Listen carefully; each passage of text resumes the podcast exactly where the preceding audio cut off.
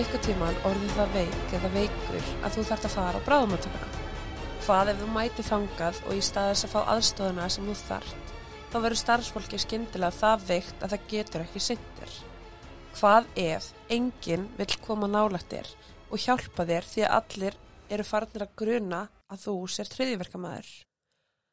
Dauðvona kona er lögð inn á sjúkrahús og starfsfólki reynir í örvæntingu að halda henn á lífi en skyndilega verður hver á fætur öðrum veikur. Í dag ætla ég að fjalla um máli hana Glóriu Ramírez eða eitröðu konunar. Gloria Ramírez fættist þann 11. janúar árið 1963 í Riverside í Kaliforníu en þar kom hún til með að búa alla sína æfi. Þegar hún komst á fullaris aldur giftist hún og eignast tvö börn, Evelyn og Angel Jr. Hjónabandi endist ekki og fengu þau skilnað. Gloria held áfram að búa í Riverside á samt börnu sínum tveimur og nýjum kærasta. Í loka árs ár 93, aðeins nokkru vikum frá 31 árs ammali steginum, þá greindist Gloria með legháls krabbamein. Seks vikum síðar, í februar ár 94, komst hún að því að krabbameinið var langt komið og byrjaði að dreifa sér í aðra líkamsluta. Sem betur fyrir var ekki talið að það væri bannvænt en Gloria var atvinnulegs á þeim tíma og ekki með sjúkratrykkingu svo bara þetta hennar við krabbaminnið átt eftir að verðinni mjög erfið. Það 19. februar árið 94 um 2015 ringdi Johnny Estrada í neyðalínuna. Johnny sem var kærasti Glóriu sagði þeim að hún hefði verið að glíma við ógliði og uppkörst allan daginn. Hvað sem það var þá virtist að vera steigmagnast og Johnny bað um sjúkrabíl til þess að flytja hana í læknisendur. Sjúkrabílinn kom á staðin og flutti Glóriu á Riverside General spítalan í nákvæmunu. Á leiðinni þangað var hún mjög ringluð og gata ekki svara neinum spurningum. Hjartana byrjaði að slá óvinnur hratt og öndurinn var mjög óræklileg. Þegar Glória kom á spítalan var hún strax fluttin í herbyggi til bráðumæðferðar. Starfsfólkið byrjaði að reyna að róa hana niður með því að nota diazepam, mitazolam og lorazepam eh, sem er sérst bara róandi liv en þeir notuðu það á mjög stöttum tíma. Hún brást ítla við livjónum og það var á þessum tímabúndi sem að hlutinir gengum mjög hratt fyrir sig. Þegar hjarslátturinn hennar og öndunin svöruði ekki livjónum þá var ákveð að gefa henni súröfni Súrefni gerði hins vegar lítið fyrir hana, svo starfsmenn bráðamótökunar ákveðar afstýra hjartanu með rað vendingu. Þegar þau tók hann úr skirtinu til að festa spaðana við bringuna, það tók einn hjúgrunafræðingurinn eftir kvítlökslikt sem að kom úr munni hennar. Síðan tók hún eftir því að húðin hennar var óljukent og það leiti út eins og hún væri með eitthvað svona gljáa á sér. Rafstöði skilaði heldur engum árangri. Það var á þessum tímapunkti sem að hjókrunafræðingurinn Susan Kane ákvaða að taka blóðsynni. Þegar hún dró blóð úr henni þá fann hún undarlega lykt.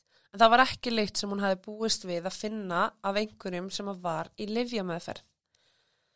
Blóði lyktaði eins og ammoniak. Hún rétti sprautuna til Morin Wells, sérfræðings, og hallaði sér nærri líka maður glóriu að staðnum þar sem að blóði hafi verið tekið til að reyna að komast að því hvaðan lyktin væri að koma. Þegar hún stóð eftir upp þá byrjaði hann að svima. Dr. Umberto Ochoa náði rétt svo að grípana áður en hún fjall í yfirlið. Hún sagði henni liði eins og andlita á sér var að brenna af. Susan var því sett í hjólastól og henni rúlað út úr herbygginu. Þegar Dr. Ochoa sá um blóðsynni glóriu þá tók hann eftir örsmáum strálitum kristulum í blóðunannar sem var ekki eðlilegt en áður hann gætt fyrir að velta í fyrir sér hvaða væri, þá fann doktor Gorczynski fyrir ógleði og hausverk og stegi út úr herbyggin og kaffistofuna til að fá sér sæti. Hún leitt svo ítla út að einn vinnufélagi hennar spurði hana hvort hún væri lægi, en án þess að svara þá rann hún úr stólnum sínum og á gólfið. Þegar hún vaknaði þá gæti hún ekki stjórna útleimum sínum. Hún var ekki lömuð, hún fekk bara ekki fæturnar og hendurnar til að gera það sem hún vildi að það myndi gera. Dr. Gorczynski var lögðin á sjúgrósi sem sjúklingur. Réttir hún hafi verið rekin á herbygginu, þá misti Morin Wells einni meðvitund. Einna vöðurum byrja að veikja skindila, starfsfólkið fjalli yfirlið eða fekk ógliði og svima. Aðeins 15 mínútum eftir að Gloria var lögðin úr sjúgrósið þá var hún orðin eini sjúklingurinn eftir á bráðumótökunni. Dr. Otsjóa hafði tekið ákvörn um að það væri óþægt neyðarastandi í gangi og leti kjölfari flytja allar sjúklinga á bílaplan spítalans. Engin vissi hvað var í gangi nema að einhverju hluta vegna var fólk sem var í nálað við glóriu að veikjast á óskiljanlegan hátt. Þeir fái starfsmenn sem eftir voru inni hjá glóriu gerðu allt sem þeir gáttu til þess að halda henn á lífi. Þrátt fyrir fleiri rafstöði hjartað og önnu lif þá var það klukkan 20.50 sem að Gloria Ramírez lest. Það var um 35 mínútum eftir komuna á bráðumótökuna. Það var næstum tveir tögi starfsmanna á bráðumótökunni orðni veikir og sex af þeim svo alvarlega að það þurftu sjálf að leggjast inn á spítalan sem sjúklingar. Dánarórsök af þeim tíma var nýrnabilun sem að tengdist krabbamenninu En læknisfræðileg frávið komu upp sem að myndi vekja spurningar. Hvað var að gerast? Var þetta hriðiverka árás? Var glória með eiturefni á sér sem að lag í starfsfólkið? Ef svo var, hvers vegna? Þar sem að ég er búin að fara yfir helstu grunnatriðin þá langar mig aðeins að fara yfir nokkra hluti sem að fólk hefur almennt verið að velta fyrir sér sem verðast að vera óskilja lir sérstaklega fyrir þá sem að hafa ekki mikla þekkingu á læknisfræðum. Þannig að þetta eru svona nokkur áleitamál. Uh, í fyrsta legi, það er spurning hvers vegna sjúkraflutningamenn tók ekki blóðinar eða þá hvers vegna blóðsynni var ekki tekið áður en henni var gefin þessi livja kokteil á spítalanum. Hún gati ekki svaran einu spurningum svo í raun það vissengin hvort og þá hvaða liv hún hafði nú þegar tekið áður en það var dælt í henn að slatta af öðrum livjum. Það á í raun að gangu skugga um það hún hef ekki verið að taka valjum eða róandi liv yfir daginn áður en hann var gefið meira. En þeim er samtalið leirita mig að ég hef rámt fyrir mér en þetta virka bara sem mjög skrítin aðferð en líklegast voru þau bara að reyna að nota útilokunar aðferðina til þess að stilla hana af. Það er einnig spurning hvers vegna allir sjúklingar bráðmáttökunar voru færðir út á bílastæðið. Ef að þeir voru svona vissir um þetta tengdist glóriu hvers vegna var hún ekki sett í einangrun eða sjálffærið í annar rými sem að hægt var að loka frá öðrum. Það hefði auðvildamart og gefið þeim færi á að sinna sjúklingum þar á meðal glóriu í staðis fyrir að nýta allar starfskraftin í það að flytja allar út á bílastæði.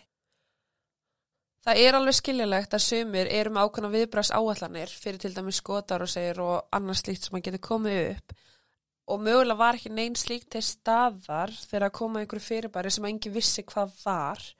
En þeir voru samt sem ekki vissir hvort þetta væri glória en það gatið alltaf spórist með loftræstu kerfinu eða verið inn á spítalanum sjálfum. En hún var svo eina sem var skilin eftir. Og sjóa tók samt líklegast þá ákvörðu sem að talin var að vera best á þessu augnabliki Hvað sem að það var sem að draf glóriu þá voru allir að reyna að komast að því hvað væri að valda því að heilbrið starfsfólkið væri að missa möðutund og verða þár veikt. Einn af hjógrunafræðingnum sem fali var það verkefni að flytja lík glóriu í einangrun byrjaði að kasta upp og sæst finna fyrir sviðatilfinningu á húðinni. Á þessum tímapunkti voru fáir starfsmenn eftir. Það var því kalla eftir hasmátliðinu en það er skipular hópur fagfólks sem er sérþjálfað í að meðhöndla hættilega efni. En hasmat er skamstöfun fyrir hættilega efni sem að vísar til hverskils efnis sem að hefur í förmur sér verulega hættu fyrir fólk, eignir eða umhverfi. Í grundvallar atriðum voru þeir fengnir á staðin til þess að leita einhverjum merki um skadleg efni í loftinu inni á bráðmótökunni, hvort sem að það hefði komið frá glóriu sjálfri eða annar staðar. Þeim tókst fljótt að útiloka utan að komandi aðila og því beindust öll augu að glóriu. Því var krypning gerð á líki hennar til að komast í, til bots í málinu. En áður en einhver skoðaði líki hennar þá voru tveir sóttvarnafræðingar fengnir á svæðið í loftþéttum búning til þess að taka loftsinni. Allt þetta ástand var mjög undalegt. Upptökur af bílastæði spítalans frá kvöldinu sem bráðamótökan var rýmt og krypningur undirbúningurinn 60 síðar gerði þetta mjög óraunverulegt ástand. Fjórir voru viðstæðið krypningunennar á bílastæðinu, klættir búningum með eigin súröfnus kút. Þeir þurfti einnig að vera skólaðir eftir meðhöldun á líkinu á bílastæðinu á nærbuksunum fyrir framann almúan. Dánar dómstjórin í Kaliforníu gæt ekki ákvarðað hvað gerði Glóriu svona eitraða og ákvaðan því að kalla til doktor Önnumarju og Soria og Kristen Voller frá Hilbreys og Mannúadeildinni auk annara réttaminafræðinga frá vísendamiðstöðinni í Lorenz Livermore. Það var nógu slemt fyrir fjölskyldun hennar að hafa gengið gegnum ástvinna missi, hvað þá að nú var hún grunuð um að dreifa hættilegum efnum um spítalan. Fjölskyldan gati ekki bóra hana til gravar fyrir hann að niðurstaði kæmist í málið og þurfti þau að horfi upp á einhverjum vísendamenn á vegum ríkisins í geimbúningum reyna að leysa einhverja gæðvikar læknisráðgátu. Á meðan teimið frá Livermore var að vinna að rannsóksinni þá fóru doktor Osoria og Voller að taka viðtölvi starfsfólk og letu hvern einn og einasta fylla út spurningarlista og skoða krypningar niðurstöður, fari áhættigreiningu og gefa blóðsynni til rannsóknar. Þeir fundu út af starfsfólki sem að fekk mæði, meðdundaleysi og vöðvakrampa eða önnur enginni voru ekki aðeins í tveggjafeta fjarlæg frá henni heldur voru það einni þeir sem að hafðu meðhöndlað æðalegin. Það er þá verðt að minnast á sjúkarlegana sem að settu upp æðalegin í glóriu. Svo virtir sem að hvoru þeirra hafi þjást af enginum sem starfsfólk bráðumótökunar greindi frá. En sama gildir með kærastannannar sem var einni í kringum hana. Doktor Osoria og Voller fundi líka aðra áhugaverða uppgötun. Starfsfólki sem að varð fyrir áhrifum voru flest allt konur og flestar þeirra höfðu sleft kvöldmatt. Í kjölfara því var áætlað að starfsfólkið hafi þjáðust af sefasíki eða móðusíki. Sem sagt að starfsfólkið sem að fekk enginni hafi í raun bara verið eitthvað svangar dömur. Þær hafi í raun glemt að borða yfir daginn og þess vegna fjallaður í yfirlið, hver að fætur öðrum inn í herbyggi glóriu. Og Dr. Gorczynski, læknirinn sem að endaði á því að vera lagður sjálfur inn á spítalan sem sjúklingur. Hún var bara svo hysterísk að hún endaði rúmlíkjandi og fór í þrjár skurða aðgerðir á áttamánum til að takast á við sjúkdóm sem að hún fekk í kjölfarið. Það er fyrir eitthvað spes að áætlaða starfsfólk á brámáttöku sem að hefur séð allan fjandan hafi raun bara glemtið að borða og þar lindi er það að fá þessi enginni. Við getum alveg skoða þann möguleika á að það sem að var að gerast fyrir beinin ennar Dr. Gorczynski var ótengt því sem að kom fyrir hana og starfsfólki á bráðmótökunni en svo langt sem að einhver vissi þá hafði hún ekki átt í neinu vandraðum fyrir en þetta kvöld og í, eftir þetta kvöld þá byrjuði þessu vandamál að koma upp. Jafnvel þó doktor Osario og Voller sögust að hafa tekið viðtölu við allt starfsfólkið sem var á vakt þessa nótt. Þá sagði doktor Gorczynski að þeir hafi aldrei tekið viðtölu við hana. Og ef það er satt, við hvað tóku þér þá viðtölu við ef ekki fólki sem var nálegast glóriu. Þessu uppgötun um einhverja fjölda hysteríu var dregin yfir af öllum. Doktor Osario viðkendi þá að það voru þrjár manneskjur sem að þau tóku ekki viðtölu við og fengu heldur ekki gögn hvað var það í krupninguna. Svo þeir raun fengu ekki upplýsingar frá líkama manneskunar sem að gæti eða gæti ekki hafa allir breyðslu sjúkdóms og hvað sem það var sem að kom fyrir starfsfólk bráðmótökunar þá er hann höfðir ekki hugmynd um það. Þannig að hvernig gáttu þið dreyja þessu álítun að starfsfólkið hafi bara verið að búið þetta til. Við þeirri spurningu svaraði Dr. Osario að það sé jafnpyrrandi fyrir hann að niðurstaða málsins sé svona en það hefði hann vilja að fá okkur aðra niðurstöðu sem að gæti útskipt þetta betur. Ef hann var ekki með fullkomi svar, hvers vegna útbjóð hann þá kenninguna um að þetta væri bara einhverju svangar dömur. Af hverju ekki bara segja óvitað? Fjölskylda Glóriu höfði að mála hendur sjúgrósinu þar sem að sérfræðingar voru fengnir til þess að finna út hvað gerðist um nóttina en niðurstaðan var bara svo að það var ekki spítalunum að kenna.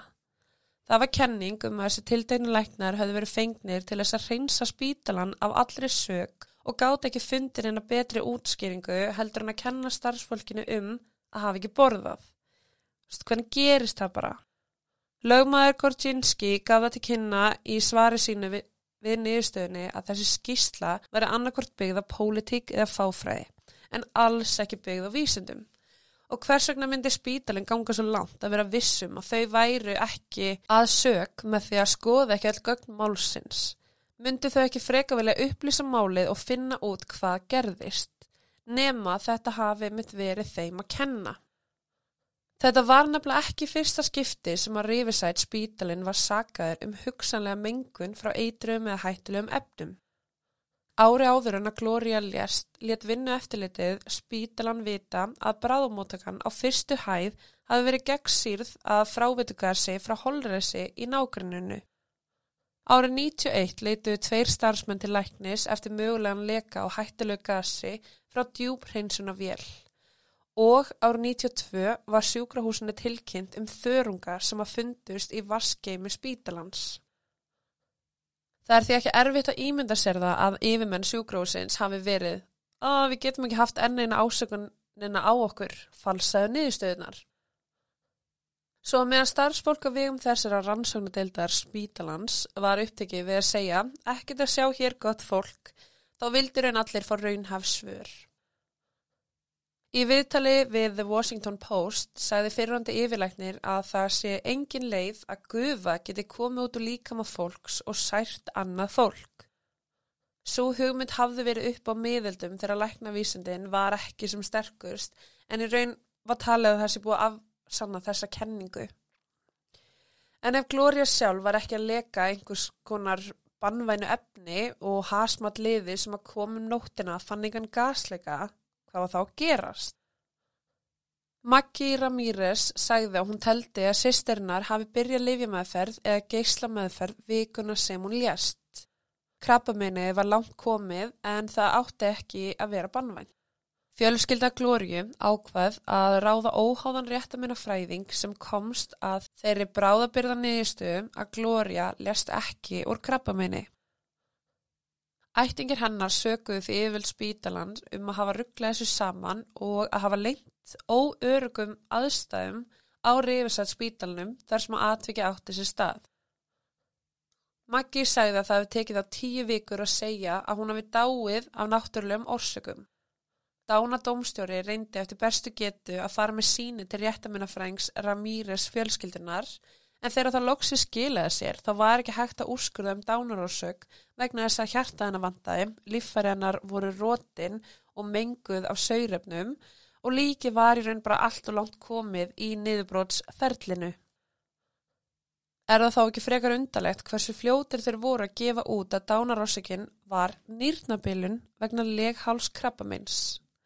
Jável hjartabilun væri skrítin greining. Ef Gloria hefði aðeins byrjað í livjumöðferð í vikunni sem hún dó, þá hefði það ekki haft tíma til að skemma lífærinnar eins og geristundum í slíku meðferðum. Og ég held að krabbaminnið eigi ekki að valda lífærabilun nema það dreifist í það lífæri, sem er raun ekkert minnst á í máluna Gloria. Það er aldrei talað um að hún sé að krabbaminnið sé búið að dreifa sig í nýrun. Og enn og aftur, krabbaminnið var ekki bannvænt. Réttar minna fræðingur fjölskyldunar fannst eins og það væri verið að afvega leiða raunveruleg dánar orsök glóriu. Að lokum þurfti Ramírez fjölskyldan að jarða glóriu án þess að vita hvað drapana í raun og veru á meðan þau voru að kljást við það að spítalinn var að fullirða að glória hafi verið eitra skrimsli til þess að færa sökina frá sjálfu sér. Maggi sagði opiðberlega að hann trúi því að sýstu sín væri enn á lífi ef hún hefði ekki farið á þessa bráðumótöku um nóttina. Það er ekkit óeðlegt að fjölskyldinni finnist eitthvað vera skrítið varandi málið en það fenguði mjög þurðileg svör frá ríkinu og til að bæta ofan á það þá var það Stephanie Albright sem að sám rannsókn málsins fyrir hönd spítalans sem að fram til sjálfsvík aðeins mánuði eftir að rannsóknin hófst. Hver veit nema sjálfsvík hannar hafi verið vegna þrýstings frá spítalanum að hilma yfir því hvað raunverulega gerðist. Ofan á það, spröytan sem var nótuð til þess að draga blóð glóriu, spröytan sem að skilaði ammoníak líktandi blóði, hefði ekki verið hægt að rannsaka hana nánar til þess að úrskurða um nákvæmlega hvað gerðist og skoða blóðið. En þessi mikilvægu, mikilvægu, mikilvægu sönnugögn í málinu, þeim var henn. Dánardómstjórin krafðist þess eftir fyrstu krupningu að Gloria hafi látist af náttúrulegum orsökum. En svo á blaðmannafundi í april ára 94, tveimur mánuðum eftir hún lérst, var staðgengill dánardómstjóra á staðnum.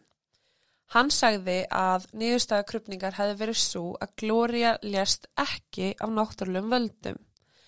Hann gati raun ekkert útskýrt þess að misvísandi staðhafingar nýja lyktina sem að starfsmenn lístu en sagði að engin eitru efni voru til staðar í henni eða nálagt henni. Þegar fréttamenn spurði hann hvort rannsóknin myndi halda áfram þá sagði hann að henni væri lokið. Hann var bókstallega að segja að hún hafði ekki látist vegna nýrnabilinar en rannsóknin er samt búinn. Þú veist að fundust engin eiturefni nálættinni í henni og þessir dölufullu kristallar, kvítlaugsliktin, allt sem að var í gangi og þeir ætla bara, já, ok, þetta er nýrnabilun, en þetta er þessi raun ekkert enginni nýrnabilinar og þeir eru bara búin að ákveða það, ok, við ætlum að ljúka rannsókn hér, þetta er búið. Hún lést af veldum nýrnabilunar. Á meðan að skrifstofa dánadóm dómstjóra var á fulla að segja við vitum ekkert og málun er lokið, þá voru lifir mór vísendamennir sem að gáð yfirlýsingu í november ár 94. Um, sko, þetta er eitthvað ofurvísendalegt og erfitt að skilja, þannig ég ætla að brjóta þetta eins niður og ekki að ágjör ef þeir skilja ekki hvað ég er að tala um, að ég skilja varðla sjálf. En vísendamennir sögðust hafa fundið DMSO í blóðuninnar sem að gæti hjálpað til við að útskýra gljáan á húðinni. En DMSO er efnið sem nota var til að lina sásöka og kvíða á sjötta og sjönda áratögnum og það reyndist í raun vera hættulegt. Svo meðan fólk hætti að nota DMSO við sásökan ofinberlega, þá var það samt sem áður að nota þetta ákvæmna smurfeiti sem var fáalegt í hvaða byggingaveru verslun sem er. Læknar sögðu fólki að innbyrja þetta ekki og hugsaðu raun bara með sér að það væri nóg til þess að fá fólk til þess að gera það ekki. Bara hei, ekki taka þetta og þá taka þetta ekki. En auðvitað var fólk að hlusta þú veist, bara eins og með reykingar séu slæmar og allt svoleið sem við heyrum frá læknum svo lengi sem þetta er fálegt að þá sækist fólk í þetta. Þar með átti fólk það til að innbyrja þetta feiti vegna þess að heilbriðskerfið var ekki beint upp á marga fiska á þessum tíma og ef það var eitthvað sásökið til staðar vegna krabbameins eða annars konar sjúkdóms að þá myndi ég vel halda að fólk myndi reyna sitt allra besta til að losna við slíkan sásöka. Svo vísendamennir komið þessi atbyrðar ás. Gloria skamtaði sér DMSO til að lina gífulegan sásöka vegna krabbameinsins. Vegna þvagstýplu þá sapnaðist efnið upp í blóðrásennar og með tímanum byrjaði að mynda hættulegri útgafu af sjálfu sér með ákveðnum erðabreitingum og þar með komið þessi kristallar sem að fundust í blóðunennar. Með rafstöðinu sem hún fekk þá var DMSO enn verri útgafa að sjálfu sér og guðurnar byrjuð að myndast sem að feldi heilbrið starfsfólkið hvert og fætur öðru.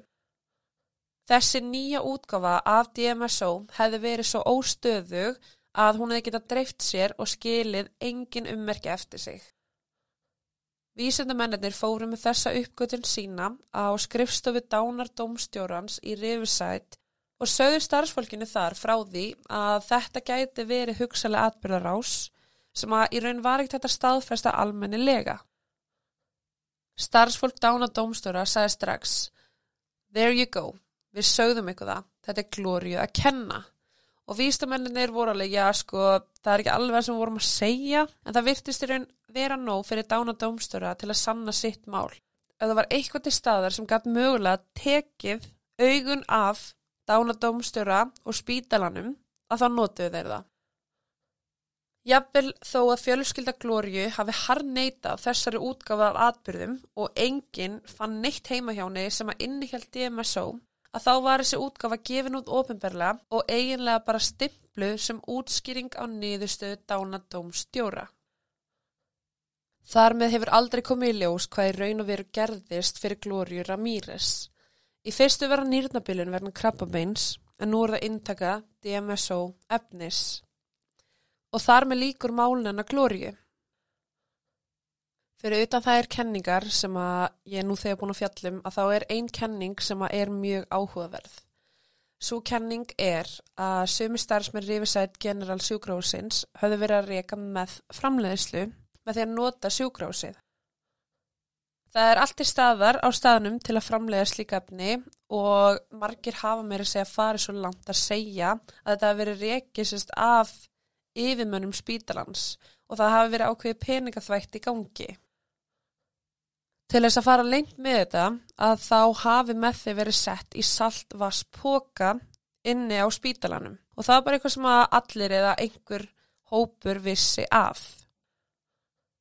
Samkvæmt efnafræðingi þá eru ákveðna gufur sem að myndast af með og við framleyslu ferlið og þegar þeim er andað að sér að þá eru einnkjörnum þau sömu og starfsfólki var að finna fyrir, ógleði svimi og annað slíkt. Þá er aðalega að tala um að þessi atbyrgarás hafi verið svo að einhver hafi greipið póka af saltvatni eða lifi og hjælt að það væri valjum en það var í raun með. Og þetta efni líktar í raun eins og ammoniak. Og meða við að Riverside var risastór miðstöð með framleiðslu á 9. og 10. áratögnum, þá kemur þessu kenningarinn ekkit á óvart. En af hverju myndi engi frá Riverside spítalunum gera neitt til þess að eigi þessum orðurúmi? Eins og það virtist vera, þá var ekkert kannad hvort að það væri eitthvað í gangi á spítalunum og það var aldrei rannsaka nánar. Gat verið að starfsfólk bráðmáttökunar var bara undir miklu álægi þegar að Gloria kom inn og voru að gera sitt besta til að reyna haldin á lífi og tóku óvart vittlausan póka. Ég veit ekki En þetta gæti verið möguleg útskynning á því hvað var að gerast. En af hverju hefur engi komið fram og sagt, jú, ok, þetta var að gerast. Gat verið að hún fekk fyrir slisni efni sem hann nota var til að búa til með. Dóun úr hjartabilun var þetta nýrnabilun, en að hafa einhver stjórn á því sem að fer inn í líkamann getur verið hræðileg tilfinning. Var hún meðvituð um fólki í kringum sig að allir voru að falla hver og fætur öðrum en þann dag í dag veit enginn hvað raunverulega gerðist fyrir Glóriu Ramírez eða veikti fólki sem að möðhundla hana og vegna þess hvernig rannsókninni var háttað þá munum við líklegast aldrei gera það.